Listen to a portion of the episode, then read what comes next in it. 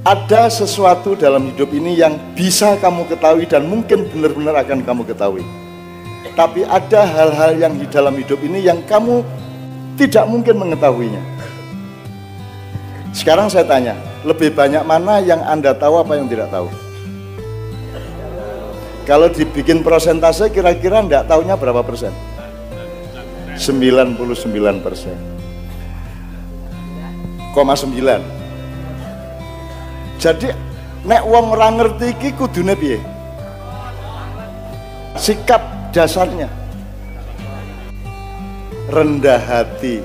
Wong ndak ngerti kok, rendah. Nah, kita sekarang ini kalau kamu baca medsos ada nggak orang yang rendah hati? Karena mereka semua sok tahu, betul nggak? Orang ngerti neng guayane dudu Gusti Allah yang mengharam-haramkan. Siapa yang punya hak untuk mengharamkan sesuatu? Yang memiliki, betul enggak? Yang memiliki sesuatu dia berhak membolehkan atau melarang. Kalau tidak ikut memiliki boleh enggak? Siapa yang punya saham atas hidup kita? Berapa saham Allah atas hidup kita? 100% plus. Maka satu-satunya yang boleh mengharamkan, menghalalkan, mewajibkan hanya Allah. Kalau ada kiai, ada MUI, ada ustadz tidak boleh mengatakan ini haram, tidak boleh kalimat yang tepat adalah menurut pendapat saya Allah mengharamkan ini. Jelas ya? Jadi subjeknya siapa? Allah. Bukan saya bukan siapa pun. Karena selain Allah tidak punya saham apa-apa. Gue nyukul ke rambutmu dewi raiso oh cuman ngitung rambutmu raiso gue lagi rambut dua urung sini sor. Ya jadi jelas ya. Nah teman-teman sekalian yang anda tahu tidak ada satu persen yang Anda tidak tahu lebih dari 90 persen. Untuk sesuatu yang Anda mungkin tahu sehingga akhirnya bisa tahu capailah dengan ilmu. Makanya kita sekolah itu untuk mengetahui yang mungkin diketahui. Tapi ada yang tidak mungkin diketahui. Gimana cara mencapainya? Iman hanya dengan iman kamu mencapai sesuatu yang kamu tidak mungkin tahu. Swarga iki piye to jane?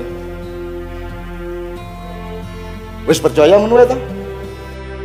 Karena semua yang kamu katakan mengenai surga tidak seperti itu kata Rasulullah. Siapa nama Allah? Nama Tuhan itu siapa?